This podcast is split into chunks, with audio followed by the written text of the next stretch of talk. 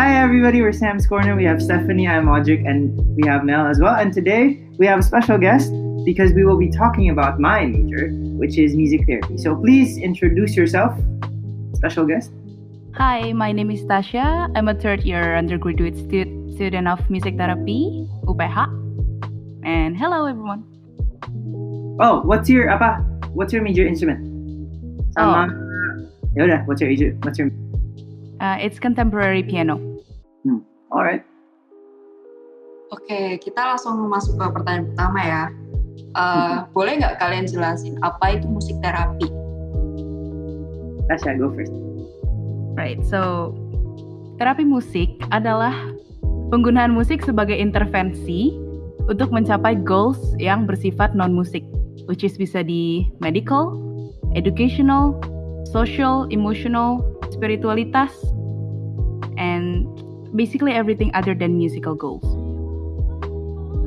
Mind to Uh. I'm, I'm just gonna add, uh, music therapy itu we you need is uh, an intervention done by a music therapist who has graduated with a music therapy degree and kalau bisa udah dapat board certification but uh, that is still on progress here in Indonesia uh, and selain itu ya we tackle uh, we, we we aim to uh, help our clients through the use of music and music activities uh, and having therapeutic goals and objectives to reach uh, non-musical skills uh, or uh, that can be translated into their, their everyday life. Oke, kan kalian uh, ambil music therapy nih. Nah, music therapy tuh belajarnya apa aja sih? Kelas-kelas yang diambil tuh apa? Apa sama kayak anak psikologi atau beda? I think we can say that there are several classes that's crossover sama anak-anak psikologi.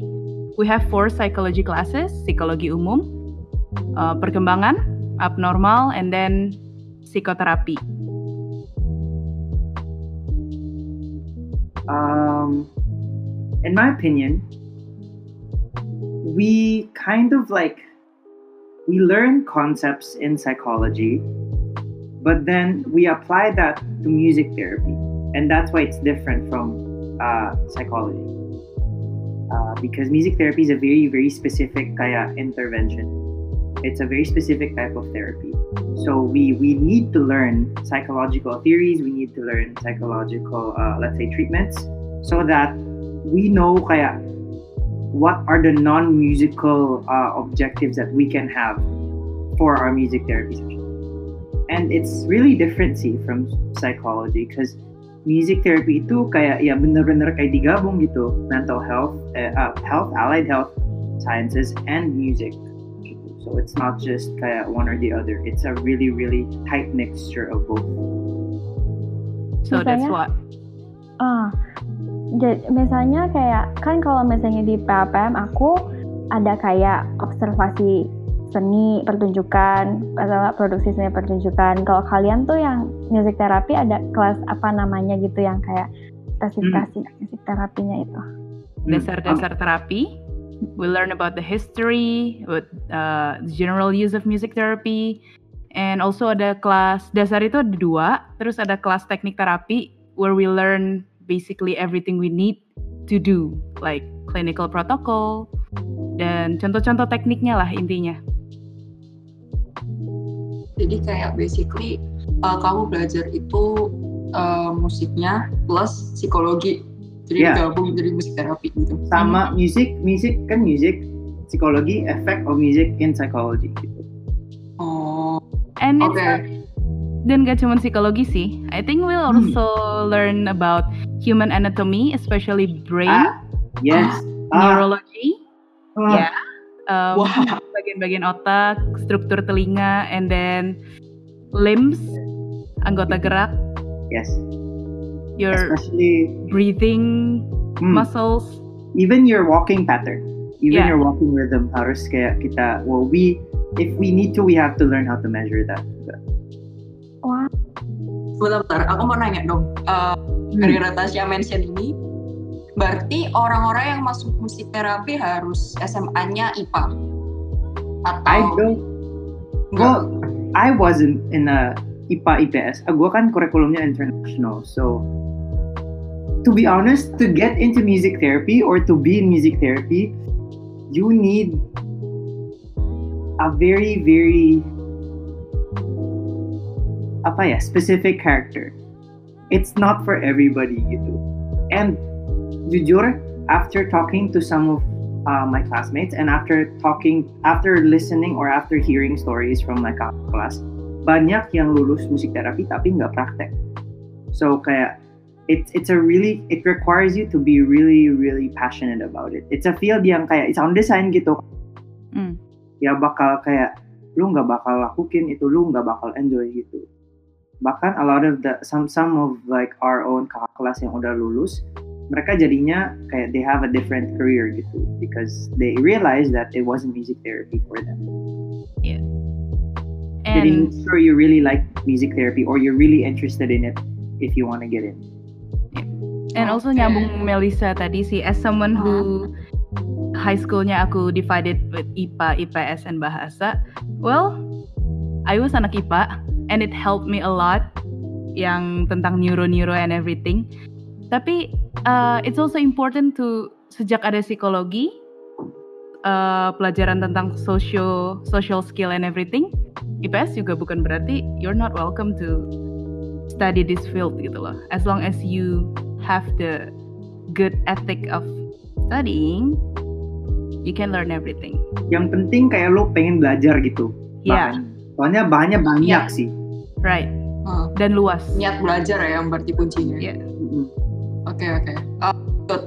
Kelas-kelas uh, kelas favorit kalian apa?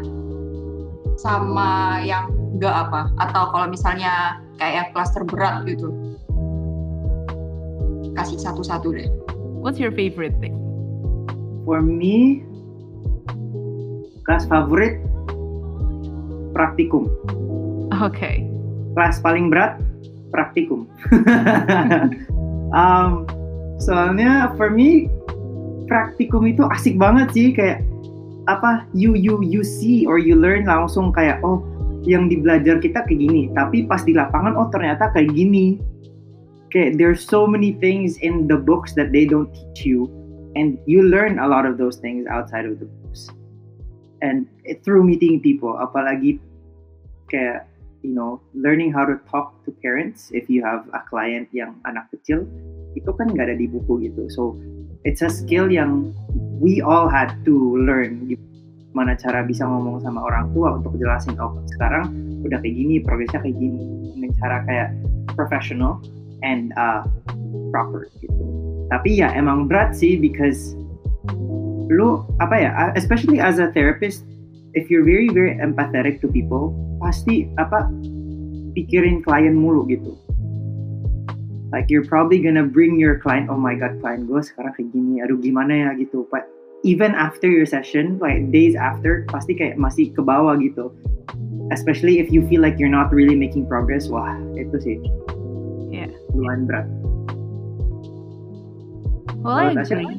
I agree. Um, well, can I say that the pressure of conducting a session can Hmm. be both menyenangkan dan sometimes it's stressing you out. Well, maybe stressing you out is not the right word, but you get the idea, the pressure. But uh, another other than practicum, my one of my favorite classes technique. I really like class technique. Like I can learn a lot. I mean, I can learn about how to conduct a session, which is very important. Tapi bukan berarti kelas-kelas kayak dasar itu not important, but it's just ya kita juga perlu tahu kan history-nya music therapy and everything before we can start conducting a session. Tapi kelas teknik itu asik banget, especially teknik 2 where we actually learn to uh, im- improvisation gitu-gitu kayak praktek tapi masih dalam circle yang you feel safe to do that, to practice that. Nah, kalau misalnya tantangan kalian yang kalian hadapin tuh terbesar, itu selama di musik terapi itu apa? praktikum I know you say that. Kayak praktikum berat banget ya. Iya sih, soalnya agak ngeri because you're actually dealing with people's lives gitu. Kayak itu beneran manusia gitu yang dipercaya yang apa ditanggung jawabkan ke lu gitu. So it's it's lumayan sih kayak it's in it's I'm pretty sure a lot of us are like all of us are always kayak thinking how do we how do we make help our client feel better, be better. And ya yeah, itu sih kayak pressure uh, dari dosen, pressure dari keluarga, and pressure dari diri lu sendiri juga as a therapist to do well gitu. For me personally, because I think we still have the feeling of inferiority because we're still a student, we're not a professional yet, and kemungkinan kita bikin mistake itu is very very big because this is like kita baru terjun ke dunia ini secara langsung gitu loh. Even though ada supervisor and everything, but we feel like we're doing it on our own. Jadi ya emang we do our sessions on our own sih. Iya. Yeah. Aku mau nanya, kan kita uh. lagi ngomongin tentang praktikum gini kan. Mm -hmm. Jadi tuh pas kalian praktikum gitu, ke misalnya ada anak nih, kayak oh dia susah konsentrasi, mungkin dia mengidap sesuatu gitu, tapi mamanya nggak tahu. Terus kalian tuh kayak kayak, kayak cari tahu apa maksudnya kayak diagnos dia gitu? No, we A cannot music diagnose therapist people. cannot diagnose people. We don't have the right because that's not. Itu biasanya psycho, ah, psychiatrist or psychometrician Yeah. yang kasih diagnosis or a neurologist kalau bisa. So usually the process is biasanya we get a referral dari either a teacher or other therapists or a doctor. Now in my case itu biasanya I either get it from a doctor or another therapist. But that mm. wait, I want to go back to what Tasha said. This is for just for the people who or yang mahasiswa yang bakal praktek or yang bakal mau ikut terapi. Making mistakes as an intern wajar. You will make mistakes. Kayak itu I think it's one of the things we are learning right. Okay, we're scared of making mistakes, but it's something that will happen gitu. We will continue to make mistakes walaupun setidak maunya kita pasti ada mistake. Nah, it just falls on how you grow and how you learn. So, music therapists out there, don't be don't be afraid to make a mistake. It's it's it's natural. Embrace the inferiority. And ask a lot of questions to your supervisors. yeah, they will help you definitely. Mbak Lisa ada yang mau ditanya? Eh, enggak sih, aku kayak lebih ke kepo gitu sama terapis musik kayak gimana. Waktu kalian praktek, sadar kalau misal, wah aku ngelakuin kesalahan itu kesalahan kayak gimana. Hmm. That is one of the skill that is I think very important for a music therapist which is you have to be aware of the situation. No matter berapa jam yang kalian sisihkan buat kalian siapin praktek, pada saat kalian praktek bisa aja session plan kalian tuh gagal semua. Hmm. Dan kalian harus punya feeling kalau misalnya is my session plan going to work in this session in that exact moment? Apakah kliennya ternyata akan? Tapi bukan berarti kita ngikutin mau-maunya klien ya. We still have yang tadi kita pelajarin di kelas teknik, kita punya teori, kita punya apa segalanya. That's what we need untuk kita bisa uh, fleksibel. Kita harus bisa fleksibel dan berpikir cepat. Jadi itu feeling gak sih? Aku bilang sih setengahnya ada feeling kayak you just you just have to know.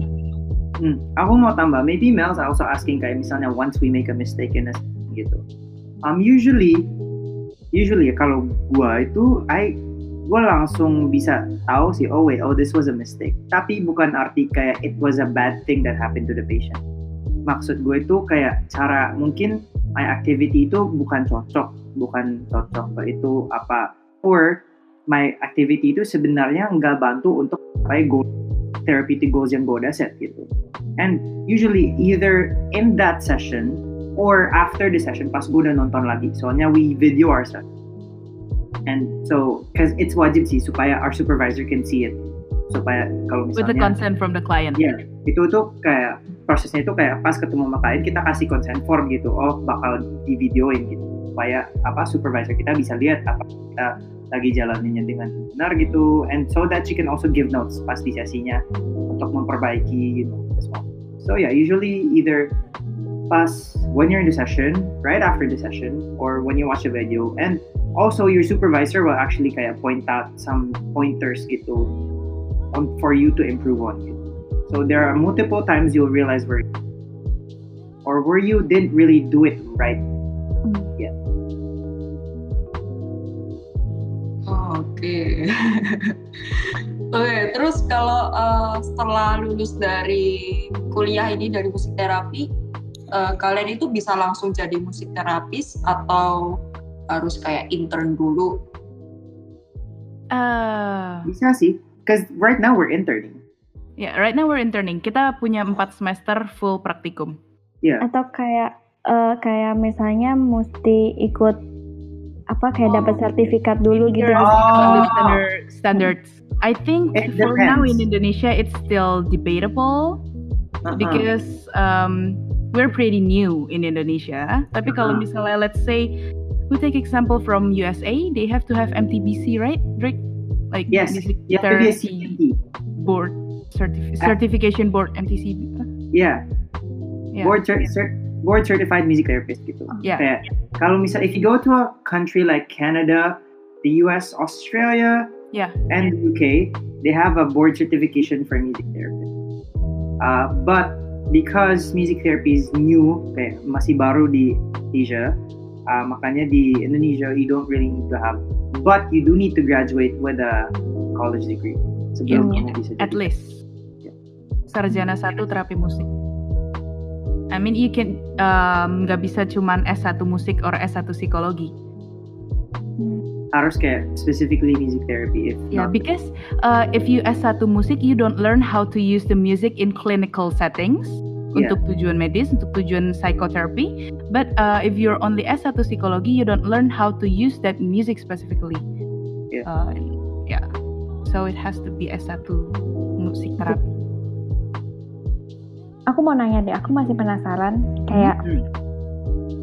eh, music terapi itu jadi sama kayak psikolog bukan psikiater psikolog gitu atau kayak kayak apa misalnya ada orang depressed gitu terus datang ke music terapi terus kayak "Eh, halo aku depresi nih aku mau terapi musik terus kalian tuh kayak oke dengerin Mozart sonata apa gitu or like what gitu kayak kayak Hmm. maksudnya ngerti kan kayak gue ngomong I get the Uh, question. I yeah. Wait, wait, wait, wait. Let's let's make this interesting. I'm gonna make a case for Chat.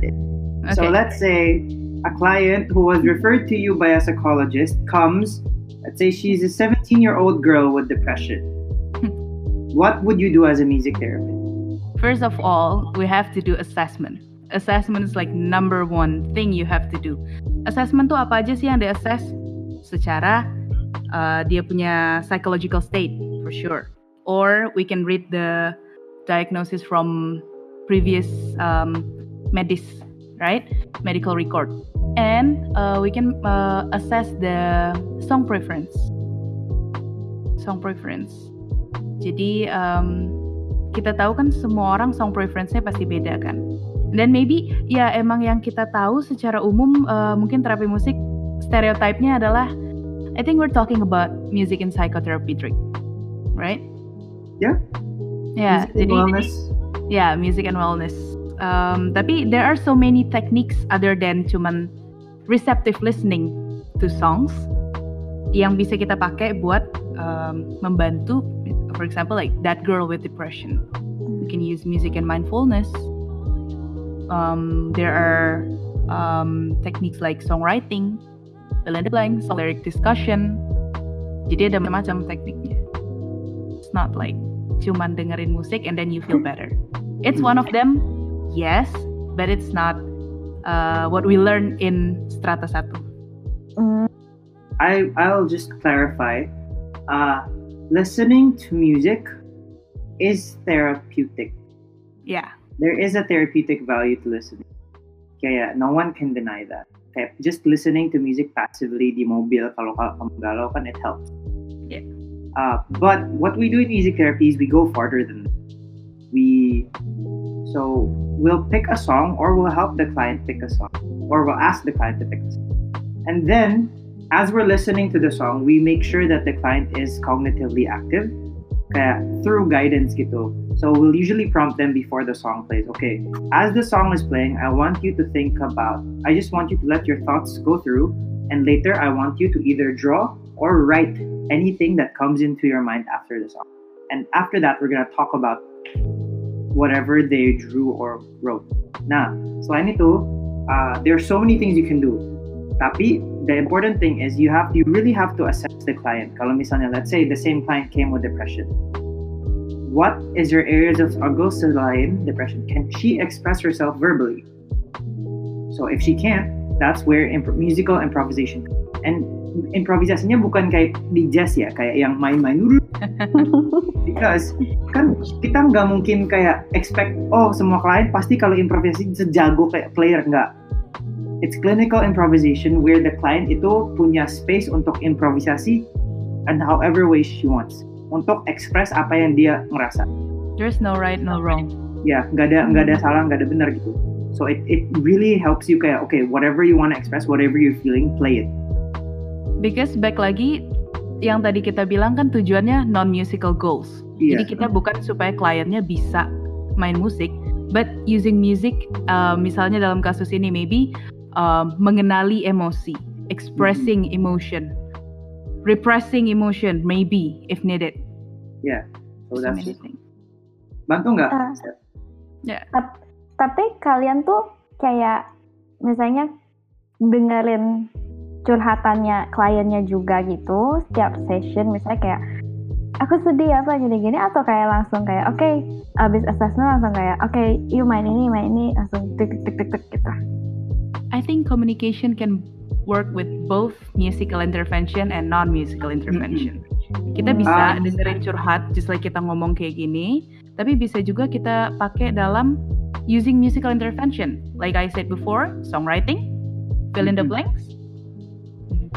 Um, sama apa ya? Usually you will have to kayak talk because it, it's important to have verbalization in a music because siapa tahu kadang-kadang kalau misalnya klien terlalu overstimulated by the music mereka jadi Yeah. irritated so sometimes there are just moments where you need you really need to sit down nah in terms of dengerin curhatnya klien ya boleh ya for sure we're gonna do that but there are other ways we can kayak get to know our client tanpa curhat Hmm. for example in improvisation Yeah. we are actually taught how to listen to people's improvisation supaya kita bisa analyze mereka cara mainnya kayak gimana. And we from their improvisation we kind of like not guessy we make we make assumptions about their feelings. Sebelum kliennya baru mau ngomong. Jadi kayak as we listen because it's one of the things we music therapists have to do we really have to listen to our clients and how they play. gitu. Supaya we get like a picture okay this client is feeling like this. Ya tapi bukan arti kita benar ya. Doesn't mean that's why there there has to be an We're not explanation psychics. client. Iya, oke em maksanya ah, ah, makanya harus ada kayak oh what did you feel while you were um, playing? Or Hmm. so that we know we can confirm oh was it was it right or? And yes curhat sama klien wajib tapi kadang-kadang nggak mau nggak mau ngomong kadang-kadang nggak interested in you know.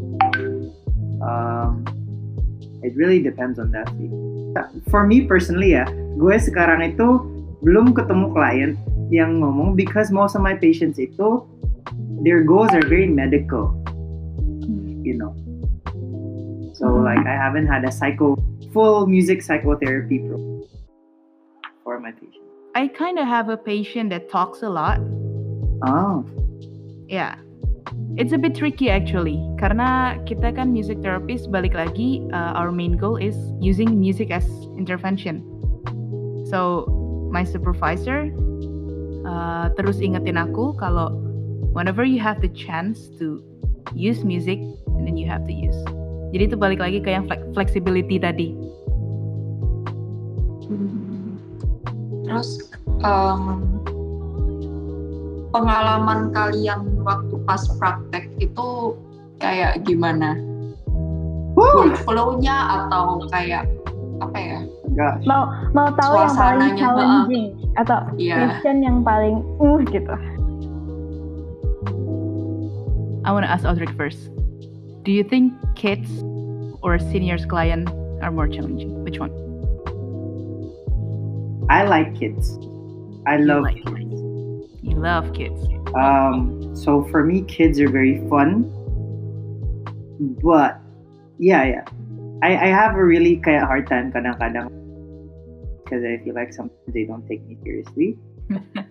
um, yeah, pokoknya my preferred client ya itu anak-anak. Tapi kan gue di rumah sakit itu nggak ada pilihan gitu.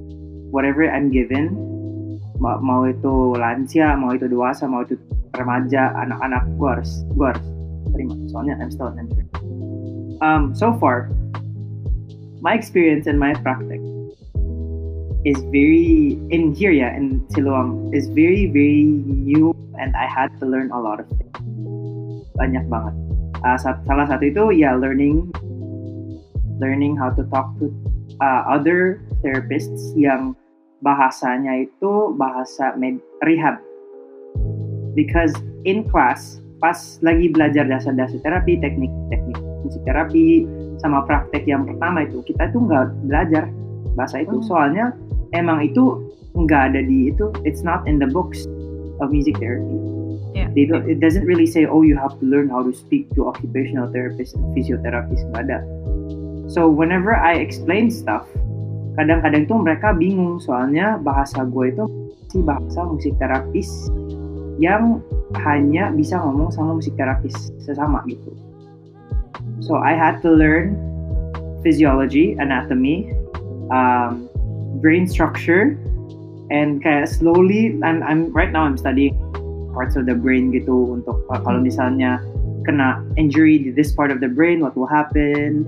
And uh, oh also learning how kayak each disability affects a specific body part and how to kayak explain that ke dokter lain.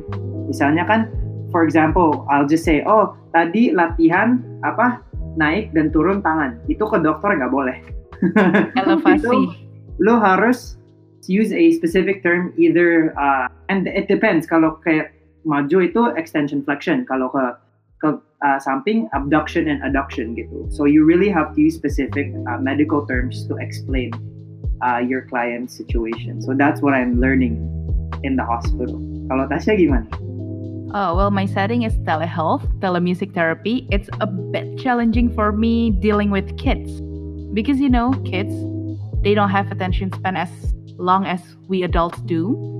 Dan um, bayangin mereka yang terbiasa lihat layar komputer atau layar HP adalah nonton YouTube. But now they have to focus on human and human interaction. That could be challenging. Jadi kayak kidsnya bisa aja kayak um, I once had a client uh, with uh, spectrum. Jadi kayak dia diagnosed with hyperactivity, and then um, he could just run away uh, ke seluruh, seluruh kamarnya. Meanwhile aku nggak bisa kayak, hey, come here, look at me. Nggak bisa, karena aku cuma terbatas di handphone. Ah. So it's a bit challenging. Kedua pasti sama walinya. Jadi ya walaupun ya wali atau orang tua itu pasti jagain anak-anaknya kan di situ. Tapi kan kayak um, mereka kalau misalnya mamanya panggil bisa teriak and he could just shout at me saying like no I don't want this no gitu ya kan? Karena dia nggak berasa ada human and human interaction tapi ada gitu loh. Nah itu a bit challenging kalau telemusic therapy. And also um, kalau Audrey tadi explaining to dokter jadi atau, atau apa tenaga medis kan bahasanya jadi lebih susah ya. Harus bikin bahasa yang medical terms yang acceptable, presentable di setting hospital. Tapi kalau aku, aku harus justru bahasanya di reduce ke yang lebih mudah because I'm talking to the parents.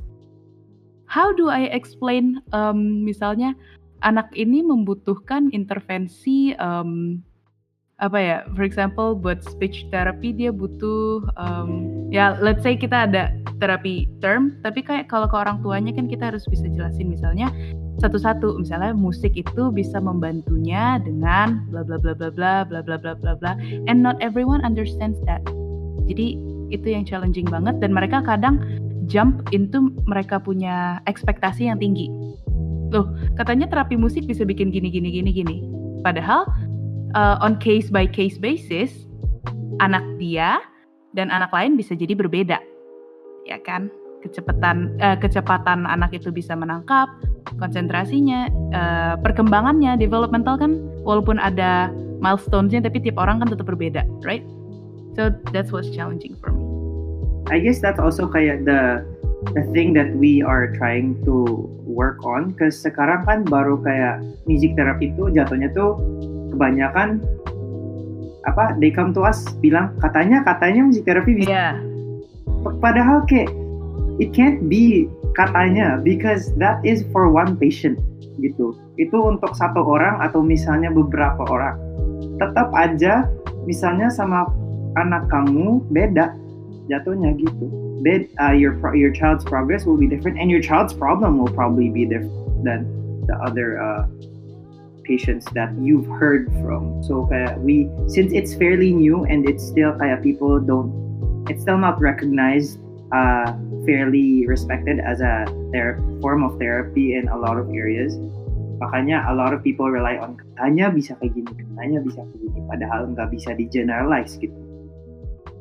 Let me try to make it simple. Kalau misalnya kalian jatuh, kalian luka. Lukanya luka kulit apa luka sampai dalam?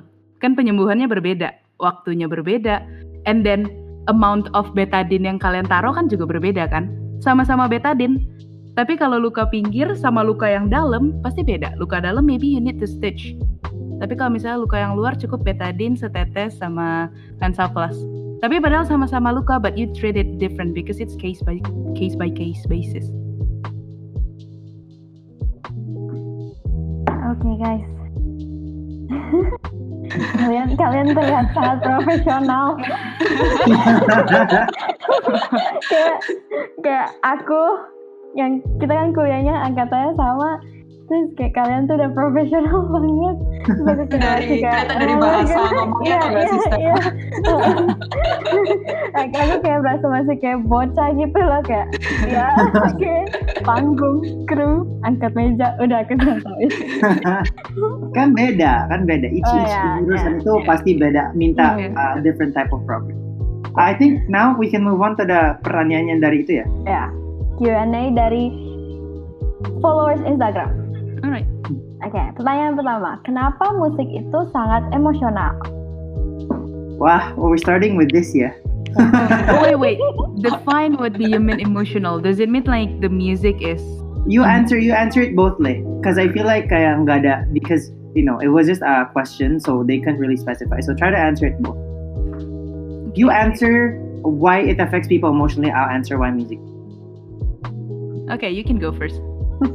I'm still you thinking. go first lah your answer is easier I have to Uh, why, why, why do music expect? Uh, what? Why Kenapa music, musik? is very em- emotional?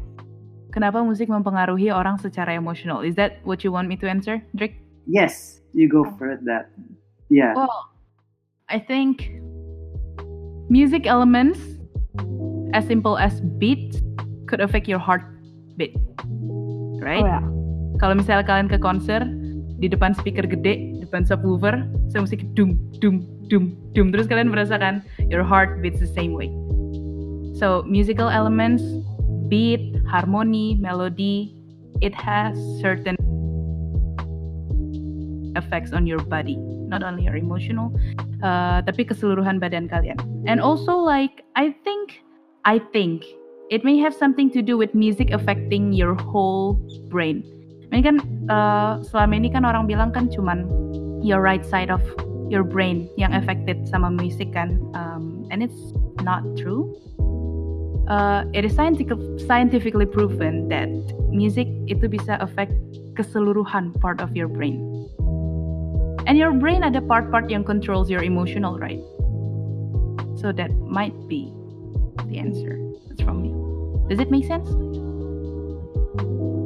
Mau jelasin dikit juga Yeah. wah kenapa musik itu emosional musik itu dicipta sama siapa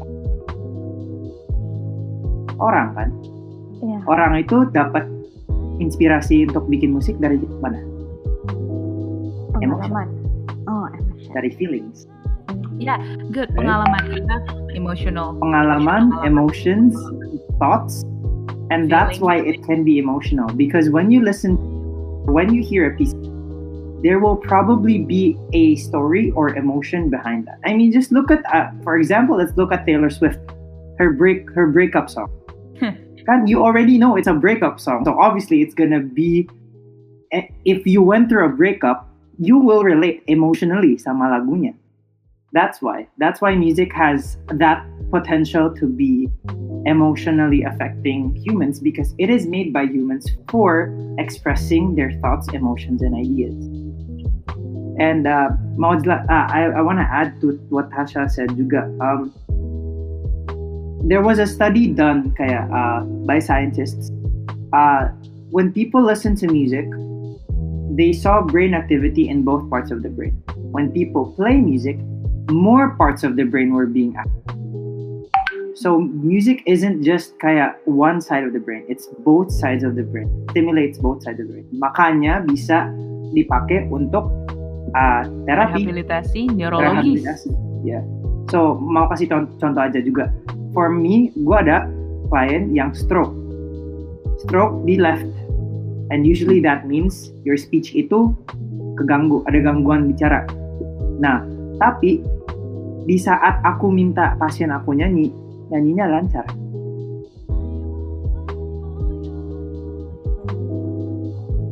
Lancar. pernah lihat sih, belum lihat. Tapi ngomongnya tuh ngomongnya tuh ganggu banget, ada gangguan tahan ngomong gitu. So yeah, that's that's why that's one of the ways music therapy can help people, and that's why music can be used as a form Yeah, because music activates, help activates that part of brain that is damaged. Yeah. The brain tissue that is damaged, music helps. Karena kan tadi keseluruhan bagian otak. So uh, let's say your language is on your right hemisphere. left. Left, Yeah. language and whatever. speech are left. yeah, whatever. That's Audrey's part. yeah, jadi music kayak help bolster that um, activity. only kayak specific music atau all kind of music? Depends on how you use it actually. Oh. Kayak you can't really use a specific music for all. It it really is up to the music therapist. Misalnya for me, I used lagu Halo Halo Bandung sama hmm. Bengawan Solo. So sebenarnya tergantung sih, tergantung kan. But there's so much, you know, music is very very wide. So many different. So it really just depends on you and how you think it can help you achieve your goal. Hmm. Uh, and like Audrey said, Halo Halo Bandung, not every patient bakal bisa pakai Halo Halo Bandung. Let's say hmm. they don't know the song. Mm-mm. It's not familiar with them. It will not help them. It might help them, but it take extra effort to learn the song, which is not um, necessary karena that's not the main goal. Right. So, jadi jangan lagi ada pertanyaan musik apa yang bisa dipakai buat mengurangi stres saya. It's different for each and everyone. You can use metal and some people prefer lofi. That's true. Kayak really is tergantung apa? I mean, ya udah secara tera therapeutic we can administer a specific type of um, music. But I guess as a musician, ya paling kasih kayak oh coba dengerin Cool Jazz Miles Davis gitu. Oh, coba Yeah. dengerin kayak apa namanya lo-fi lo-fi. We can use we can give that as musicians. But if we're working in a therapeutic setting, ya nggak boleh. tuh. Mhm. Oke.